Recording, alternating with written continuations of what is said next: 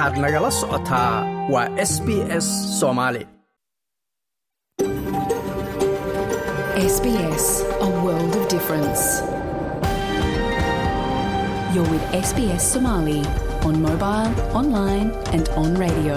waxaad nagala socotaan s b s soomaali oo aad ka heli kartaan mobil online iyo rediyoga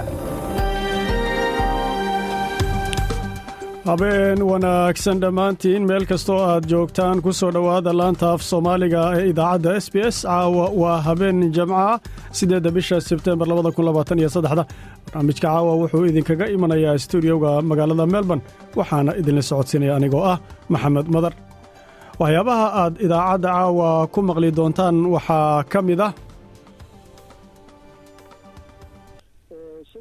wuxuu ahaa waa shirkii koowaad oo qaaradda afrika madaxeedu iyo aqoon-yahankeeda iyo hay'adaheeda kala duwan ay iskugu yimaadaan oo lagaga hadlayo saameynta isbeddelka cimilada iyo doorka qaaradda afrika ay ka qaadan karto dhaqaale ahaan iyo qaboojin ahaan.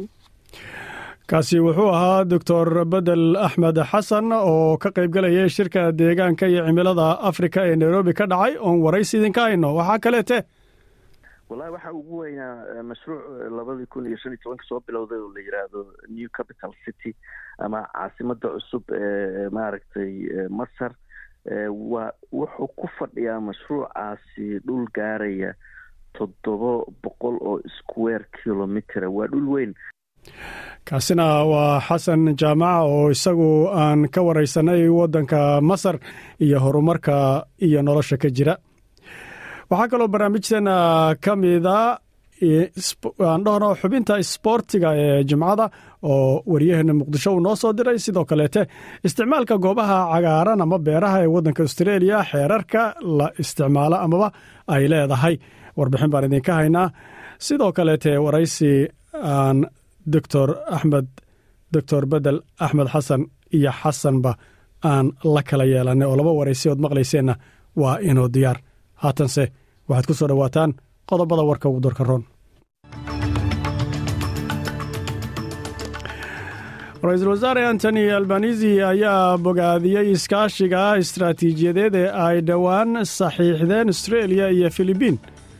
Maamulaha guud ee jaamacadaha astreeliya ayaa ugu baaqay ayaa ugu baaqday dowladda federaalka inay bixiso kaalmo dhaqaale oo lagu caawinayo ardada marisa bayn oo ah senatarada ka tirsan xisbiga liberaalka ayaa ku dhawaaqday inay ka fadhiisan doonto siyaasadda federaalka. Haddana warkii oo fidsan.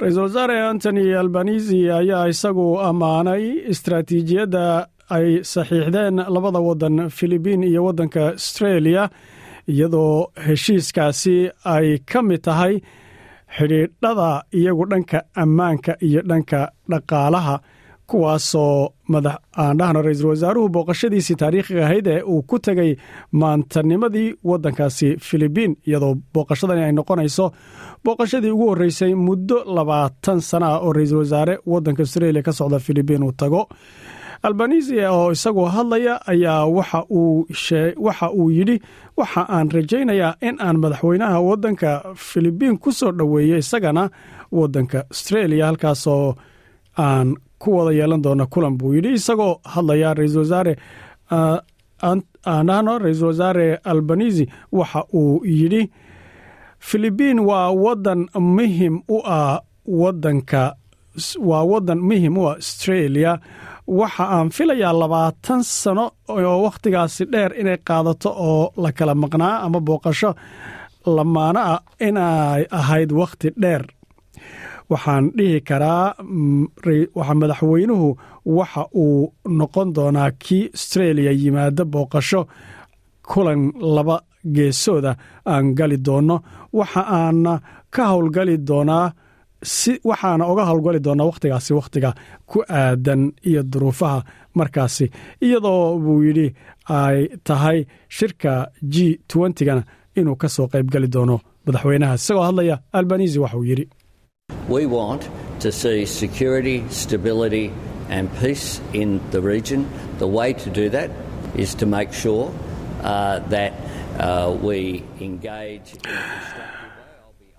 open. dhegeystayaalka wacana waanu ka xunahay arintaasi iyadoo filibiin ay taasi ahayd uu ka hadlayay balse kariibkanuusan hayn haatan waxaa kaloo iyadana weli aan sii wadnaa filibiin shirkaasi ra'iisul wasaaruhu uu ku galay wadankaasi waxa uu markaana sheegay waxyaabaha ka midka ah inay noqon doonto heshiisyadaasi ee laga wada hadlay inay ka mid ahayd holidheyada ama wakhtiyada fasaxa dadka imanaya ee shaqaalaha oo laba boqol oo fiisa labada dhinac lagu kala aadayo iyadoo sidoo kaleetana ay ka mid ahayd in laga sameeyo waddanka australia machad arrimaha filibiin lagu daraasadeeyo oo jaamacadda qaranka australia lagu dari doono. Skoolashibyada ama minxooyinka ayaa iyaguna la kordhin doonaa oo ardada markaasi masterka iyo sidoo kaleete b h d-ga dhigata ay iyaguna dhigan doonaan. Halka warkaasi aad kala socotaan waa laanta af soomaaliga idaacadda s b s maamulaha jaamacadaha australia katrina jackson ayaa waxa ay ugu baaqday xukuumadda federaalku in ay taakulayn dhaqaale ardada siiso si ay u dhammeeyaan jaamacadahooda si gaara weliba gurmadka gurmadka xaaladaha ay sameeyaan inay ka caawiso dhegaysi la sameeyey arrimaha dib u habaynta jaamacadaha ku saabsan ayaa waxaa la ogaaday in ardada jaamacadaha dhigta ay sababa dhaqaale awgood ooga baxaan ama ooga hadhaan jaamacadaha taasoo meelaha qaarkood ay ka mid yihiin goobaha aadka looga dareensan yahay xirfad yaraanta oo dad naasin dhigta oo kalkaaliyaal caafimaad iyo waxbarashada dhigta iyo sidoo kaleeta shaqaalaha bulshada intaaba loo baahan yahay. Waxa ay tiri waxaa loo baahan yahay taakulayn dhaqaale in oo ku filan ardada in la siiyo iyadoo jaamacadaha kuwooda ay haatan haystaan aynan ku filayn iyadoo hadlaysana waxa ay tiri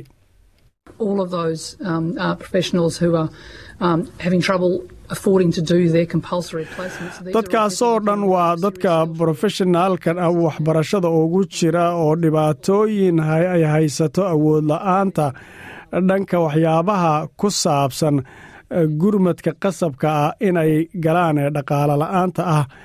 Waxa ay taasina tahay dadka iyagu ka shaqeeya meelaha amaba eeriyooyinka dadka xirfaduhu gabaabsiga ka yihiin waddanka dhexdiisa sidaa daraaddeed arintaasi waa arrin waali abay tiri. Dadkaasi waa kuwa iyagu ku dhow inay dhammeeyaan jaamacadahooda waxa ayna haystaan ama soo wajahday dhibaatooyin oo ayna kelin in ay dhammeeyaan gurmadka howlaha ay u galayaan ra'iisul wasaare antony albanisi ayaa waxa uu shaaca ka qaaday inuu isagu kaalin wanaagsan ka qaadan doono shirka oo wax ku oola shirka g twentyga ee soo aadan. G twentyga dalalka iyagu isugu yimaada ayaa waxa ay matalayaan saddex meelood laba meelood dadka tirada adduunka marka la tiriyo iyagoo ay ka mid yihiin dalal hormaray iyo kuwa soo korayaba albanisi ayaa waxa uu sheegay oo uu yidhi wadaxaajad fara badan ayaa halkaasi ka dhici doona oo horumar keenaya isagoo hadlayana wuxuu yidhi We want to see security, stability, and peace in the region. The way to do that is to make sure. waxaannu rabnaa inaan ka diyaarinna amni xasilooni iyo nabad gobolka. Arinta ama jidka aan arrintaa ku samaynayno waa in aan hubsannaa inaan si wax ku oola isula falgalayno. Waxaana u noqon doonaa buu yidhi qof u furan dhinacyada kala duwan oo aan waxba qarinin.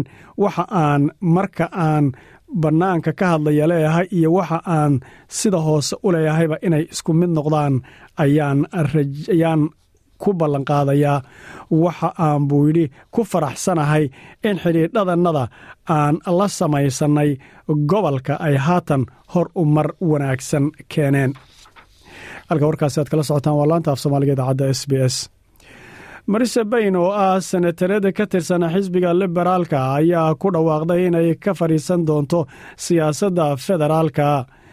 Senatarad bayn ayaa shaaca ka qaaday inay ka tegi doonto baarlamaanka dhammaadka bisha sebtembar taasoo ka dhigan haweenaydii ugu wakhtiga dheerayd senatarka australia.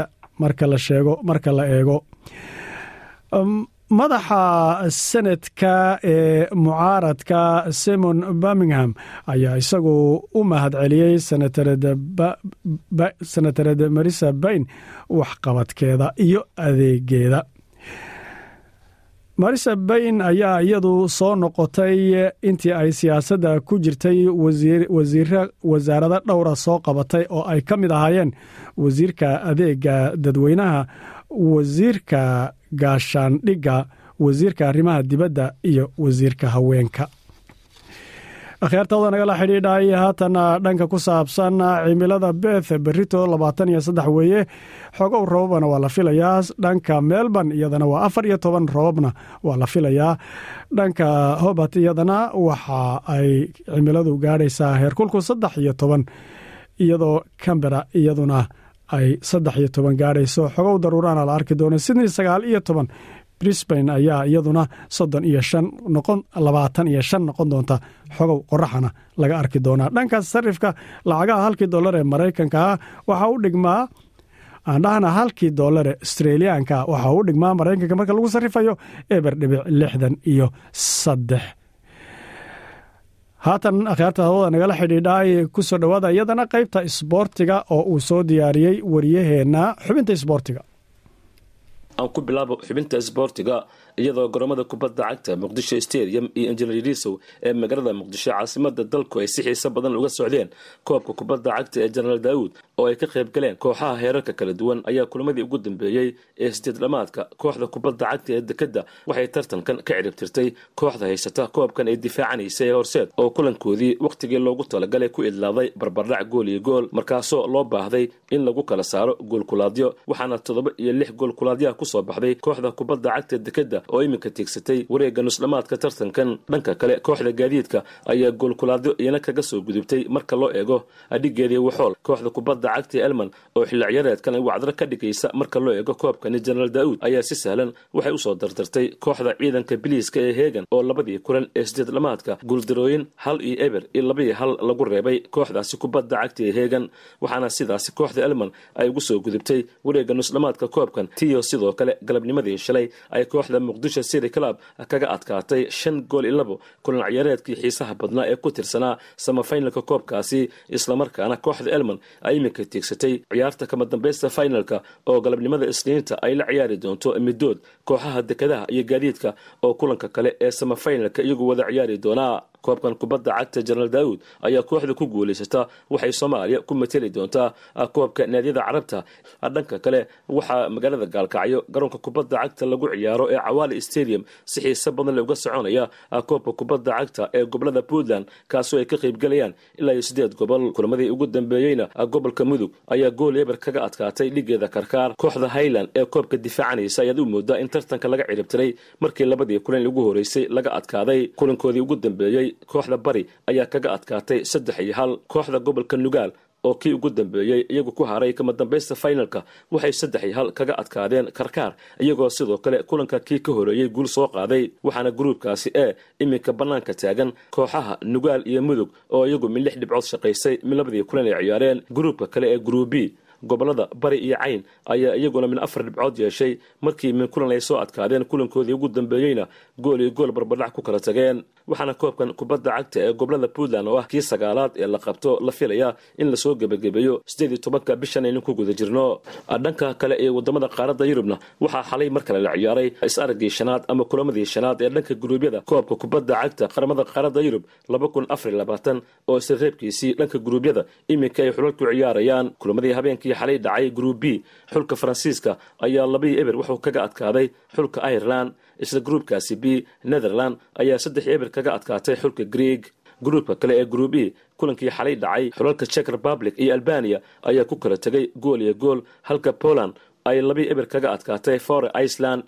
Gruubka kale ee group g lithuania iyo montenegro ayaa ku kala tegay barbardhac laba gool iyo laba gool halka hungary ay labii hal dirtay xulka serbia oo gurigooda lagu ciyaarayay gruubka eej kazakhistan iyo finland gool iyo eber sidirkiya waxaa guul ku qaaday xulka finishka isla gruubkaasi ejna denmark afari waxba ayay kaga badisay xulka san marino. Slovenia ayaa isla gruubkaasi waxay afari laba kaga adkaatay xulka waqooyiga ireland. Caawa ayaa sidoo kale loo ballansan yahay in ay dhacaan kulamo kale oo ku tirsan israabkaasi koobka kubadda cagta qaramada qaaradda yurub oo kama dambaystiisii lagu qaban doono dalkaasi jarmalka.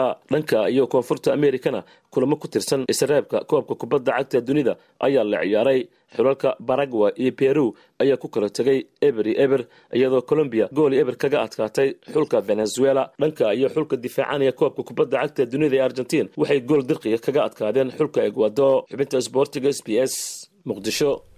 Intaasi akhyaarta na dhegaysanaysay waxaa noogu dhammaatay ama noogu dhammaaday warkii oo xubintaasi isboortigu ay u dambeysay qadar yaro haysiisa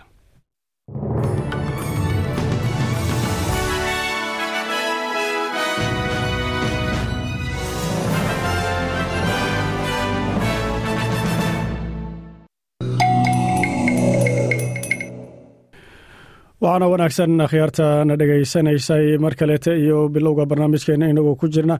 Uu noo soo socdo isticmaalka aan dhahno waraysi aan la yeelanay doctor bedel axmed xasan oo khabiir ku takhasusay arrimaha deegaanka iyo cimilada ayaa waxa uuna ka mid ahaa wafdidii ka qaybgalaysay shirka deegaanka iyo cimilada ee afrika. Markii ugu horreysay lagu qabanayo waddanka kenyana ka dhacay magaaladiisa caasimadda ah ee nairobi waraysi kale ayaan sidoo kaleete aan idinka haynaa xasan jaamac agaasimaha laanta afka soomaaliga ee idaacadda s b s oo aan kala yeelanay waddanka masar iyo noloshiisa iyo isbedelada uu ku soo arkay. Haatanse waxaad ku soo dhowaataan barnaamijkeena australia explain loo bixiyey. Yaa waxaan diyaarinay barnaamij ku saabsan beeraha ama goobaha cagaarka ah ee magaalooyinka ku dhex yaalla iyo sida loo isticmaalo xeerarka iyo anshaxyada ka jira. Haddaba si aad uga faa'iidaysato warbixintan dhegayso dhugana. Astreeliya gudaheeda xeerka goobaha cagaarka iyo anshaxa lagu isticmaalo waxyaabaha la ogol yahay iyo waxyaabaha aan la ogolayn dadka astreeliyaanku waxa ay jecel yihiin goobaha cagaarka iyagoo ujeeddooyin kala duwanna u taga goobahaasi cagaarka ah waxaa loo adeegsadaa sida nasashada jimicsiga kulanka bulshaynta ee asxaabta bikniga iyo barbakyuga waxa loo yaqaano iyo sidoo kaleeta in lagu qabto waxyaabaha munaasabadaha ee dadku ay ku dabaaldegaan iyo wax kasta oo markaasi qofka uu baahi u qabo inuu beerahaasi u tago. Haddii aad tahay dadka tooska u taga goobahaasi amaba aad ka fikirayso inaad goobahaasi cagaarka tagto inaad ogaato xeerarka qaarkood waxa ay kaa dhigaysaa inaad hesho talooyin anshax oo wax ku oola. Isticmaalkoodana aad si wanaagsan u adeegsato astreeliya waa xarunta konton kun oo goobo cagaara ama beera ah oo magaalada ku yaalla sidney keliya ayaa waxaa ku yaalla afar boqol oo goobo cagaaran ama beera ah oo u kala baxa. Goobo kookooban oo xaafadaha dhexdooda ku yaalla seerooyin xaafadaha iyaguna ku yaalla oo ka waaweyn kuwaasi iyo kuwa aad u waaweyn oo iyagu heer caalamiba gaadhsiisan. Joel johnson oo ah maamulaha cagaarinta iyo madadaalada ee golaha magaalada sydney ayaa waxa uu leeyahay marka buu yidhi qayb ka mida mas'uuliyadda goobaha si cagaaran ee babliga ah ay wada wadaagaan mas'uuliyaddooda golaha deegaanka ah iyo dowladda gobolku balse inta badan maamulka goobahaasi waxa ay hoos yimaadaan golaha deegaanka ee goobta ay ku yaallaan sidaa daraaddeed ayaa xeerarka maamula ay u kala duwan yihiin sida uu ku naseexaynayo master johnson. Waxa uu leeyahay waxa habboon mar walba inaad eegto waxa la oggol yahay iyo waxa aan la oggolayn. Isagoo hadlayana wuxuu yidhi Each council area, each local government area does have different rules. I think you would, in the main, find them very similar, but depending on where you visit in Australia, there may be different goob issues. kasta oo golaha deegaanka ah degmo kasta oo dowladda hoose ah waxay leedahay shuruuc kala duwan waxaan filayaa inaad ka heli doonto inta ugu badan in ay iskaga mid yihiin. Laakiin iyada oo ku xidhan meesha aad ka booqanayso astreeliya waxaa jiri kara arrimo kala duwan ama aad og tahay qalab ama waxyaabaha ka dhacaya aagga dowladda hoose.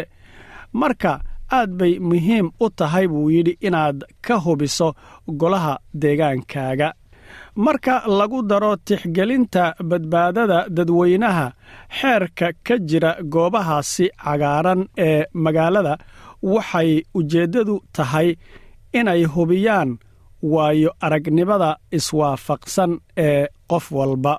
Inkasta oo ay qaar ka mida xeerarka guud lagu dabaqi karo ku dhowaad dhammaan goobaha cagaarka ah ee gudaha magaalada ku yaalla haddii aan si kale loo cayimin sida mamnuucidda kaamamka waxaa jira laakiin kala duwanaansho xagga xeerarka ah ee khuseeya howlo badan sida master johnson uu iftiiminayo. Isagoo hadlayana wuxuu yidhi Parks are like people's backyards, so we have signage that encourages people to share and respect the spaces that we provide. And yeah, one thing we don't allow is parking of vehicles or camping in any of our parks, but things like beerahanagu drinking waxa ay la mid yihiin ayuu yidhi goobaha dambe ee guryaha dadku ay leeyihiin sidaa daraaddeed waxa aan haynaa amaba jira tabeelooyin dadka ku dhiirigelinaya inay la wadaagaan ixtiraamaanna goobahaasi loo hagaajiyey. Shayga keliya ee aan la oggolayn waa in baabuurta lagu baakingareeyo ama halkaas lagu ka- kaambi laga dhigto oo la soo dego goobahaasi beeraha ama cagaaran. Laakiinse waxyaabaha sida in khamri lagu cabbo goobo waxaa jira cayiman oo la xarimay amaba aan la oggolayn iyo goobo kaleete oo iyagana la xadiday sidaa daraaddeed waxaa muhima dhab ahaantii inaad xaqiiqsato tabeelooyinka beeraha ama goobaha cagaarani waxa ay ku leeyihiin. Sawirro sidoo kaleete caddaynaya ayaa jira. Mar kastoo ay suurtagal tahayna dadkuna u suurtagelinaysa in ay ogaadaan waxa la oggol yahay iyo waxa aan la oggolayn sida ugu dhaqsaha badan. Saymi dobinson waa hooyo laba carruura leh ahna maamulaha wadaagga ah ee maama nos melbourne oo ah website isagu si kharash la'aana oogala taliya waalidka sida ay u bixin lahaayeen carruurtooda oo bannaan u geyn lahaayeen. Waxayna booqatay inta badan meelaha cagaarka ah ee magaalooyinka ku yaalla waxay tidhi ma jiraan bay tidhi wax badan oo xeerara oo xadidaya waalidka marka ay noqoto carruurtooda in ay meelo u bixiyaan. Si kastaba ha ahaatee xeerar gebi ahaanba kala duwan ayaa gelaya marka ay timaaddo beeraha waaweyn. Dobinson ayaa waxa ay leedahay goobaha sida beeraha dhirta lagu tallaalo goobahaasoo kale laguma ciyaari karo kubad ama laguma tuurtuuri karo sida aad og tahay. Sharciga ayaa ka jira.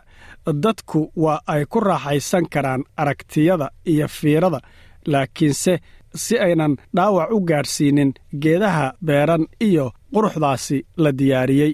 Markay timaaddo goobaha cagaaran iyo balaygarowndiyada waxaa loo baahan yahay in afkaaro fara badan la qaato sida arrimaha caqligalka ah. Waa sida ay miss dobinson ay ka hadlayso waxayna leedahay arrimaha sida inaad qashinkii adigu aad samaysay aad qaadato ama aad hesho goobta salladda qashinka ee lagu tuuro ka hor intaadan ka tegin meesha. Sidoo kale inaad nadiifiso wixii adigu wasakhood keentay aadna hubsato carruurtaadu inay si habboon u ciyaarayso marka la fiiriyo qalabka ay ku ciyaarayaan.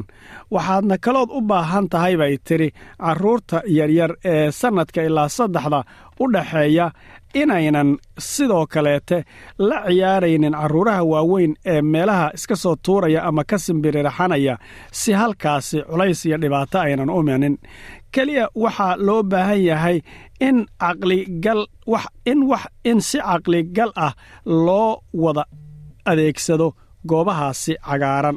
Hab la mida ka digtoonnida dadka kale ayaa la filayaa markaad doorato inaad xafladda dhalashada ilmahaaga ku qabsato goobtaas bannaan. Dhanka kale marka ay noqoto goobaha lagu kulmo ee la wada adeegsado sida baabakiyuuda meelaha lagu dubto iyo waxyaabaha dadku wada isticmaalaan.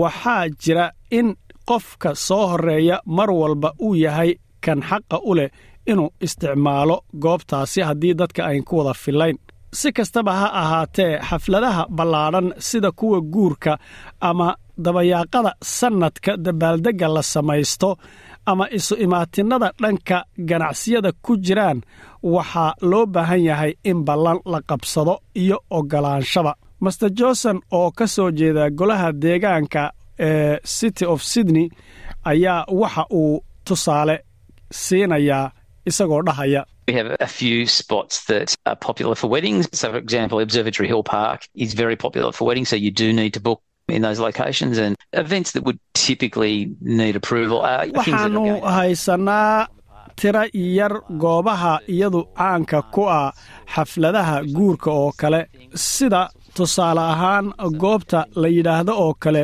observatory hillback waxa ayna leedahay shacbiyad aad u weyn oo dhanka xafladaha guurka sidaa daraaddeed waxa aad u baahan tahay inaad ballan qabsato markaaad u baahan tahay dhacdooyinka aad caada ahaan u baahan tahay in la oggolaado waa waxyaabaha dadka saamaynta weyn ku samaynaya. Marka ay noqoto tamashlaynta ama xafladaha muusikada ee waaweyn ama goobta suuqyada ee dhaqdhaqaaqa dhaqaalaha lagu soo bandhigayo iyo waxa raacaba noocyadaasi waxa ay u baahan tahay oggolaansho. Waxa ayna kooxda maamulka goobtu ee annagu aan leenahay diiradda saarayaan waxa aad doonayso inaad samayso. Waxaana la leeyahay waa lagu oggolaanayaa laakiin waa inaad shuruudda adeegsiga goobtaasi aad oggolaato kana soo baxdo. Dhinaca kaleete marka ay noqoto qofka brofeshinka ah ee isagu trayninka u samaynaya dadka kaleete waa ay ka duwan tahay hawshu sidii iska firiiga ahayd ama aan cidiba waxba ka odhanaynin. Scott hunt waa ninka isagu aasaasay iyo madaxa fuliyaha shirkadda fitness enhancement la yidhaahdo waana sharikad tababar dadka tababarta oo saddex gobol ka howlgasha. Waxa ayna tababarrada qaarkood ku samaysaa bannaanada goobaha cagaaran. Waxa uu mudane haanti sharxayaa sida nidaamka oggolaanshaha goobahaasi tababarradoo kale ee shakhsiga ah looga sameeyo gaar ahaan magaalada brisbain haddii aad hal wakhti tababarayso wax ka yar toban qof tusaale ahaan tababar qof aad tababaraysa keligii ama tababar laba qof aad tababarayso waxaad u baahan tahay in oggolaansho lagu siiyo laakiinse waa lacag la'aan. Inta kadib haddii aad haysato koox ka badan toban qof. Sida dadka sida wadartaa loo tababaro waxaad u baahan tahay inaad bixiso lacagta lagugu oggolaaday in aad tababar ku samayso goobtaasi gaadhaysana kun iyo laba boqol oo dollar sannadkii waxaana cad saamayntaadu inay ka weyn tahay marka loo eego deegaanka iyo bulshadaba. Dadka kaleete waa haddii aad koox toban qof ama labaatan qof aad tababaraysa iyo wixii ka badan. Sababta ugu muhiimsan ee golaha uu dhaqdhaqaaqaasi dhanka ganacsiga ah iyo goobahaasi dadka fara badan imaanayaan uu u saaray arrimahaasi gaarka ah waa in nabadda iyo badbaadada goobahaasi kontarool loogu sameeyo akhyaarta hawada nagala xidhiidhay. Intaas waxaa noogu dhammaatay barnaamijkii isticmaalka goobaha cagaaran iyo amabase beeraha ee waddanka astreeliya xeerka iyo anshaxa u yaalla ee loo baahan yahay in la raaco marka la isticmaalayo. Qadar yaroo ku soo dhowaada xaysiis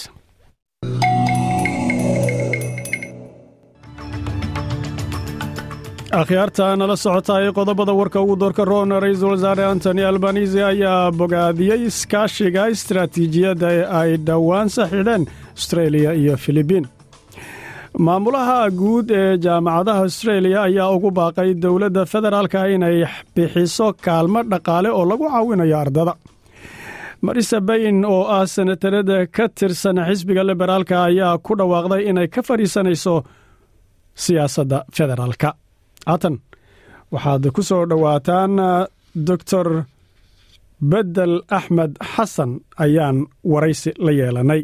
Waa doctor ku takhasusay arrimaha deegaanka iyo cimilada.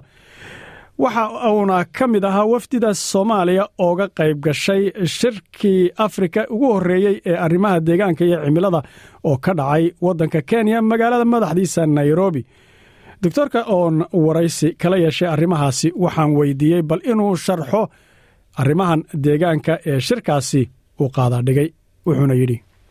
Maxamed adiga iyo idaacadda s b s laanteeda afka soomaaliga marka hore waan idin salaamaya marka xiga waxaan ka cudur daaranayaa xergaba igu dhacay. Marka codkayga waxaa laga yaabaa inuusan sidii nadiifa uusan idiin soo gaadhin waa idinka cudur daaraya shirkan wuxuu ahaa waa shirkii koowaad oo qaaradda africa madaxeedu iyo aqoon-yahankeeda iyo hay'adaheeda kala duwan ay iskugu yimaadaan oo lagaga hadlayo saameynta isbeddelka cimilada iyo doorka qaaradda africa ay ka qaadan karto dhaqaale ahaan iyo qaboojin ahaan intaba iyada oo aan xaaladda uga sii daraynin.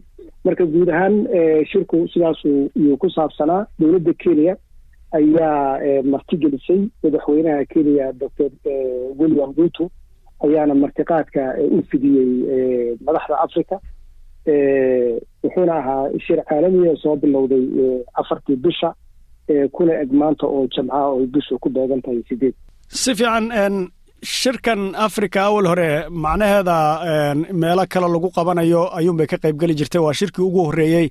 Macnaheedu ma garwaaqsi baa iyadoo africa beryihii hore loo malayn jiray ama ama dhinacyada kale u dhigi jireen inaynan xoogga saaraynin deegaanka ee waxyaaba oga daran gaajada iyo dhibaat colaadaha iyo ay ahayd. Ma isbeddel baa taasi? Waa isbeddel weyn.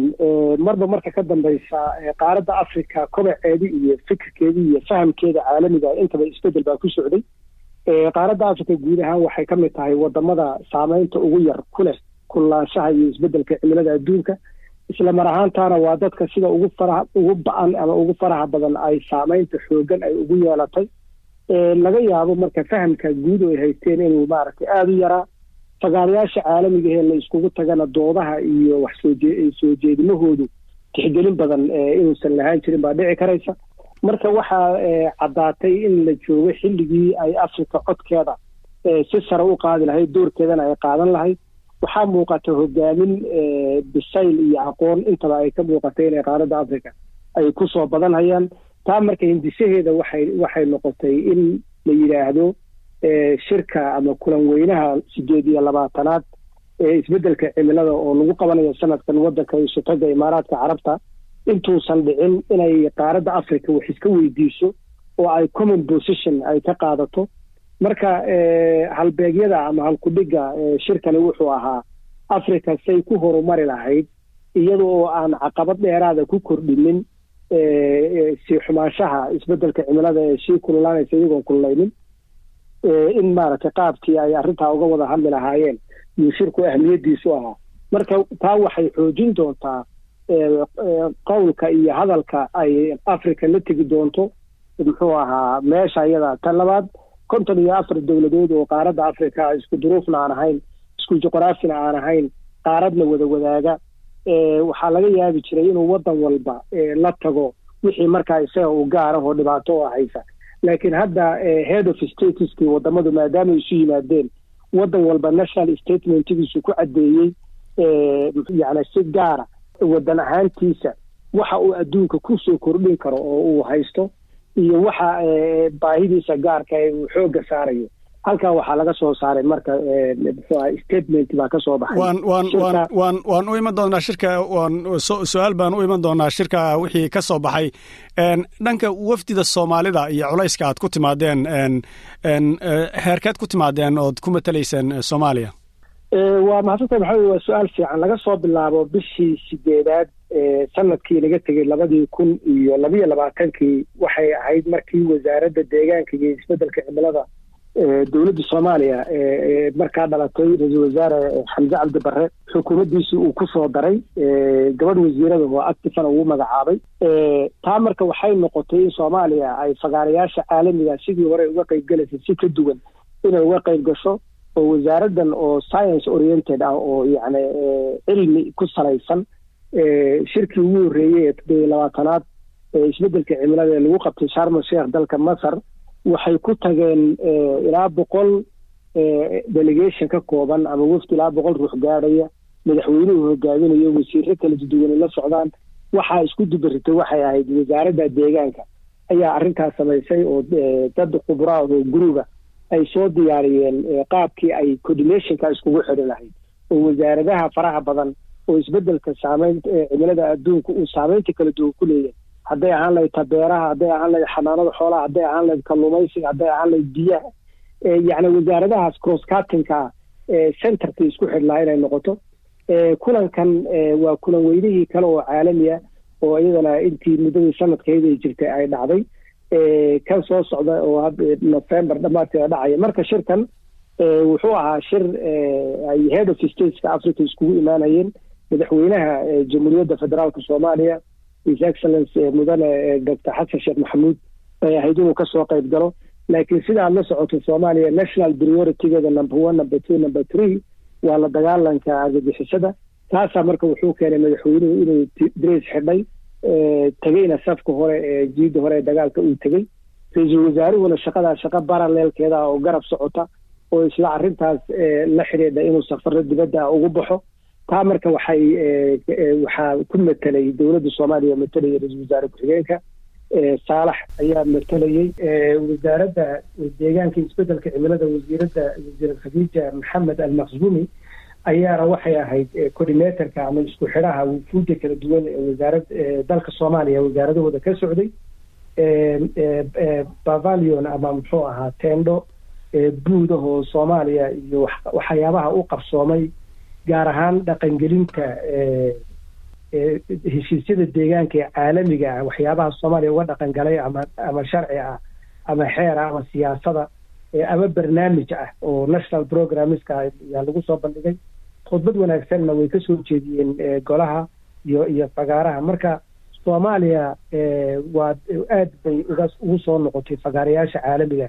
Mana jiro shir ay ka maqan tahay oo hadda ka dhaca dibadda. Mana jiro shir aan loo dirin dad capacitigeedii iyo awooddii ay soomaaliya ku mateli lahaayeen lix aan loo dirin hadda waa waa waa waxa weeye aad bay arrintaas soomaaliya uga soo kabatay. Marka si weyn bay soomaaliya uga soo qayb gashay. Gartay ugu dambeynta wixii ka soo baxay shirkaasi aragtiya maxaa ka mid ahaa ama ay ahayd? Shirka waxaa ka soo baxay qodobo muhiim ah oo fara badan oo soo xiganaya xeerar caalami ah oo horey loo soo gaadhay oo shiraradii shirarkii caalamiga ka horreeyey qodobadii lagu soo gaadhay daba socda. Ahamiyaddiisu iyo muhiimaddiisu waxay ahayd inay dadka qaaradda africa ku nool inay kow yihiin dhibanayaasha koobaad ee ay dhibaatada ugu faraha badan ay ka soo gaadhaysa isbeddelka cimilada yihiinna dadka saameynta ugu yar ku keena. Sidoo kale inay yihiin leeyihiin khayraad fara badan oo caalamka dhaqaale ahaan iyo qaboojin ahaanba muhiimad badan ku leh.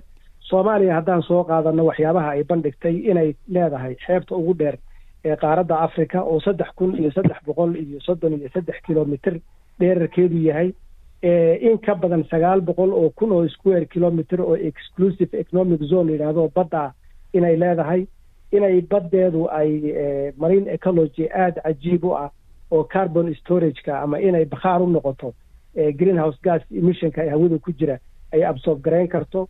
In ka badan laba boqol iyo labaatan kun oo hegtar oo mangrove forest oo dhirtan dhirbadeeda la yidhaahda ee xeebaha soomaaliya isku leelisa inay leedahay oo restoration lagu samayn karo. Dhul safaano oo fara badan inay qaaradda africa leedahay oo ama ha noqoto abaf ground ama ha noqoto below ground yacni carbon sequestrationka rool badan ka qaadan karta inay qaaradda africa ay leedahay muxuu ah renewable energy-ga adduunka ugu faraha badan ama cadceed leh ama dabayl leh. Intaba inay inay leeyihiin oo sector ay iyaguna ka faa'iidaysan karaan caalamkana u dhoofin karaan. Marka maxsuulkeedu wuxuu ahaa in qaaradda africa maaragtay access to financiga ay u leedahay inay dhaqaale ahaan xaq loo siiyo inay dhaqaalaha ay u qalanto oo ay khayraadkeedana kaga faa'iidaysan karto isbeddelka cimiladana kaga qayb qaadan karto si loo qaboojin lahaa positionkeedu noocaas halkaas ayuu ku saarnaa. Marka statement dheer yaa ka soo baxay oo muxuu ahaa isagoo daabacanna onlineka ku jiro idinlana soo wadaagi doona hadduu aan la yidhahda markii waraysigeenu dhammaan intaasina waxaa noogu dhammaaday waraysigii aan la yeelanay doctor bedel axmed xasan oo ah khabiir arrimaha deegaanka iyo cimilada. Kana mid ahaa wafdidii ka qayb gashay shirka cimilada ee afrika. Shirkii ugu horreeyey oo ka dhaca afrika oo lagu qabtay waddanka kenya magaalada caasimadda nairobi. Haatan qodobada wararka ugu doorka roona haddaynu mar kale ku celinno waxaa ka mid ah antony albanisi ayaa isagu bogaadiyey iskaashiga istaraatiijiyadeed ee ay dhowaan saxiixdeen australia iyo filibiin maamulaha guud ee jaamacadaha australia ayaa ugu baaqay dowladda federaalka ah in ay bixiso kaalmo dhaqaale oo lagu caawinayo ardada. Marisa bayn oo ah senatarada ka tirsan xisbiga liberaalka ayaa ku dhawaaqday in ay ka fadhiisan doonto siyaasadda federaalka. Dhinaca kaleete nin nafti halligaa ayaa isku qarxiyey ciidanka waddanka maali warar dheeraada markay ka soo baxaana waan arki doonaa laakiin intaas ayaa war kaleeta isagana sidoo kale ciidamo ka socda waddankaasi. Burkina faso ayaa waxa ay soo gaadheen waddanka niger kuwaasoo lagu magacaabay la dagaalanka argagixisada. Laakiinse waxaa jirta in ay taageersan yihiin waddanka niger ciidamada afgembiga sameeyey. Intaasi waxaa noogu dhan qodobadii warka ugu doorka roona haatan waxaa haatanna aan idinku duwaynaa qadar yar oo xayisiisa waxaana wanaagsan khiyaarta hawada nagala socotay barnaamijkeenna gabagabadiisana ku sisiqayna waxaad ku soo dhowaataan waraysi aan la yeeshay xasan jaamac agaasimaha laanta af soomaaliga ee idaacadda s b s oo isagu haatan ku sugan waddanka masar magaala madaxdiisa qaahira ayaan waxaan ka waraysanay nolosha waddankaasi iyo isbedelada iyo siyaabaha uu ku arkay waddankaasi qaab nololeedkiisa. Su'aasha ugu horreeyeen weydiiyena waxay tahay bal ka waran si guud ahaaneed nolosha waddanka masar iyo isbedeladeeda wuxuuna yidhi. Waa mahadsan tahay maxamed nadar sidaad sheegtay waddankan wakti aada u horreeyay baa horta iigu dambeysay oo aan maray haddana boqoshada aan ku joogo waa un arrimo qoys ama ama reereed ama mid aniga ii gaara. Laakiin isbeddel ballaaran baan ka dareemayaa magaaladanu sidaad og tahay waa magaalooyinka africa ugu dadka badan ugu waaweyn. Waxaa lagu qiyaasaa laba iyo labaatan milyan oo qof inay ku nool yihiin caasimada cairo.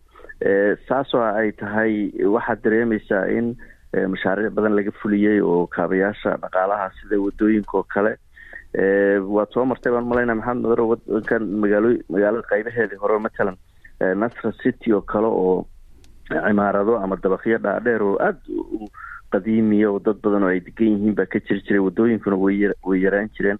Hadda waxaa la sameeyey in cimaaradihii qaarkood dhinacyada la dumiyey si waddooyinka loo ballaariyo. Marka magaaladaas dhowr iyo labaatanka milyan oo qof ay degan tahay wa waa yar tahay anoo hadda toddobaadyadii u dambeeyey aada magaalada u maray oo marar bas ku maray oo uber ku maray oo taxi ku maray inaad la kulantid saxmad ama ama mash gawaari badan oo mashquula ama aad wado wakti badan ku xanibnaatay aada bay u yar tahay marka isbeddel ballaaran baa ka muuqda markay matalan waddooyinka noqo noqoto oo kale oo inkastoo de magaalada waa taqaanaa nolosha magaaladan ama ama masar oo inta badan maalintii dadku maba socdaanba haddaysan shaqooyin iyo u socon habeenkii ama fiidkiiba la socdaa saasoo ay tahay waddooyinka iyo noloshoo dhan aada bay runtii u socotaayo.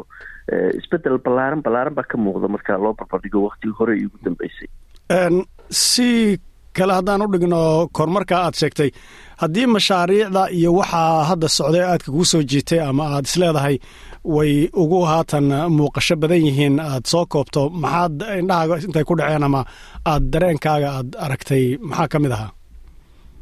Wallahi waxaa ugu weynaa mashruuc labadii kun iyo shan iyo tobanka soo bilowday oo la yiraahdo new capital city ama caasimada cusub ee maaragtay masar waa wuxuu ku fadhiyaa mashruucaasi dhul gaaraya toddoba boqol oo square kilometer. Waa dhul weyn. Haddii dadka si kale aan ugu dhigana wuxuu afar goor ku laban laamaa washington d c oo caasimada maraykanku waa dhulka ay ku fadhido. Waxaa loogu talagala meeshaas inay degaan dad gaaraya lix dhibic shan milyan oo qof oo shaqaale iyo dad dad deegaan ah. Mashruucaasu hadda waa u socdaa waa waa dhammaad weeye. Waxaana loogu talagalay dhammaan hay'adaha ama wasaarada wasaaradaha dowladda oo dhan halkaa inay degto iyo madaxtooyada iyo waxoo dhan waxaa sidoo kale kamida meeshii shaqaaluhu ay degi lahaayeen hadda isla sanadkan waxaa halkaas loo wareejiyey labaatameeye wasaaradaha dowladda. Ah afartan kun oo shaqaalaabaa halkaas hadda u guuray inkastoo weli mashruuci uusan dhammaan. Waa magaalo sideedoo ha guureyso wadooyinkeedii waaweyn loo masaajidadeedii loo garoonkii ciyaaraha lahoo kaniisadeedii lahoo hoteeladeedii lahoo wa waa dhul ilaahay weeye runtii aada iyo aada iyo aadna u ballaaran waxaana ku baxayaa la yidhi mashruucaasi marka uu dhammaado konton iyo sagaal bilyan oo dollar. Marka waa waxyaalahan ay ugu yeeraan mega project ama mashaariic runtii aada iyo aada uba u baaxad weyn kaasaa ishaydu qabatay aan aan xoogaa ku soo warwareegay guryaha iyo apartamentooyinka halkaas hataa dad dadka caadiga laga gadaayo boqol kun iyo ka badan ayaa lagu iibiyaa. Marka mashruucaasaa runtii ishaydu qabato ugu weynaayo markaan akhriyeyna dabcan dowladdu ay ay aada ugu faraxsan tahay inay mashruucaas fuliso balse xoogaa ay jireen dad dhaliilsan oo le waddankaanu ma awoodo mashruuc lacag intaas la-eg waa ay ku baxayso. Aad aad waddanka saan ognahay xasan waa meel soo jiidata dadka soomaalida ahaa ama qurba joogta ama dadka ardada ahaa. Beryihii dambe ee dagaaladii yeman oo kale iyo dad badan oo qaxooti ahaa oo yaa iyaguna yaa joogay. Marka markaad fiiriso dadka soomaalida ayaysay u joogaan bal indhahaagu iyo dareenkaaga iyo sidaad aragtay sideed aad u dhigi kartaa wallahi soomaalidu soomaali badan baa joogta. Inkastoo dee tirakoob cad oo inta ay la-eg yihiin aanan anigu arag inuu jirana aanan runtii hubin. Laakiin saad sheegtay soomaali badan oo soomaaliya ka timid oo qaarkood qaxootiyada ka diiwaan gashan yihiin baa degan oo badan. Waxaa kaloo degan arday badan oo jaamacadaha kala duwan dhigata jaamacadda al ashar oo kale oo jaamacad weyn oo islaamiya la yaqaano soomaaliya ardaya dhigato qaar soomaaliya ka yimid iyo qaar meelo kale oo adduunka ka yimid sidoo kale hadda waxaa runtii aada u soo degay oo dad badan oo maarata qurbaha ka yimid oo caruurahooda iyo halkan keenay oo iskuulle iyo iyo qur'aan iyo arrimahaas raba inay inay ku bartaan marka waxaana keenaya da waddan taariikh badan oo naga dhexaysa weeyo markay noqoto mid diimeed iyo qaaradda iyo waxbarasho iyo aad aada nooga dhexayso soomaali badan oo ay taqaano waddankiina aan ka fogeyn. Noloshiisana runtii marka wadamo badan oo kale loo fiiriyo xoogaa ay jaban tahay. Inkastoo la sheego sanadihii u dambeysay hadda bownka ama giniga wadankan egypt laga isticmaalo kala bar inuu qiimihiisu lumiyey oo waddamada sicir bararka uu aada u saameeyey ay ka mid tahay. Saas oo ay tahay weli noloshu waa iska jaban tahay oo matala markaad guryaha oo kala fiirisid dee qof walba tabartiisa ay ku xiran tahay guryo kun dollar bishii lagu kareeyana waa jiraan dad degan qaar boqol dollar ama boqol iyo konton bishii lagu kareeya dad deganna waa waa jiraan magaaladu waa ballaaran tahay waa kala duwan tahay. Laakiin haddii dhinac kale aan ka fiiriyo maxamed madarow inaga hadda australia oo kale aad baa maciishada iyo qaalinimadeeda looga sheekeeya matalan korontada dad badan baa dhibaato ay ku tahay inay iska bixiyaan oo beryahana aada u kacaysay cuntada iyo sidoo kale batroolka oo kale waad aragto australia hadda laba dollar iyo iyo dheeri baa meelaha qaarkood lagu gadaa. Laakiin egypt markaad fiirisid waxaan ogaaday in matalan korontada oo kale halkii kilowad waa halkii kilowad waa siddeetan centi oo lacagta egypti ah. Haddaad dollar ahaan u fiirisid waa eber dhibic eber labo shan macnaa waa sentiyo aada iyo aada u yar weeye. Marka korontadoo kale aada bay u jaban tahay waddankan. Waxaana laga sameeyaa dhinaca biyahana waa laga sameeyaa oo biyahana waa laga dhaliyaa. Waxaan coolska ama dhagaxa australia oo kale hadda korontada inta badan ka dhalisana waa laga dhaliyaa. Batroolka oo kale oo oo egypt ay soo dhoofsato waddan iyo batrool ama shidaalla ma aha. Toban gini weeye literkii haddaad u fiirisid matalan australia oo kale laba dollar iyo xoogaa aada bay u jabanta marka noloshu inkastoo malaayiin reer masara ay noloshu cariiri ku noqotay sicirbararka awgiis haddana marka caalamka iyo dalal badan oo kale loo fiiriyo noloshu runtii aada bay u jabanta waxaan is leeyahay taasaa ku soo jiidanaysa xataa soomaali badan ama dibadaha ka yimaadeen ama meelo kale ka yimaadeen in inay soo degaan.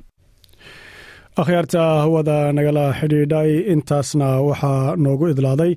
Waraysigii aan la yeelanay xasan jaamac oo ah agaasimaha laanta af soomaaliga ee idaacadda s b s oo isagu ku sugan waddanka masar. Haatan akhyaarta hawada nagala xidhiidhay iyadoo barnaamijkeenu gabagaba ku sii socdo haatan qadar yaroo madadaala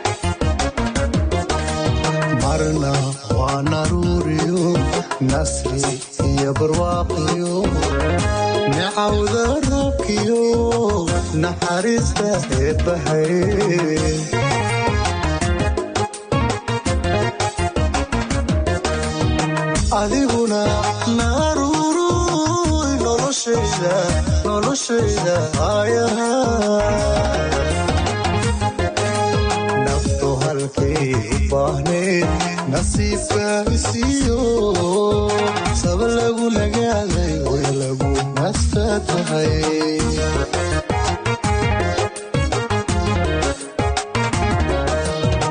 adiguna naruuruy noloshayda noloshayda ayaha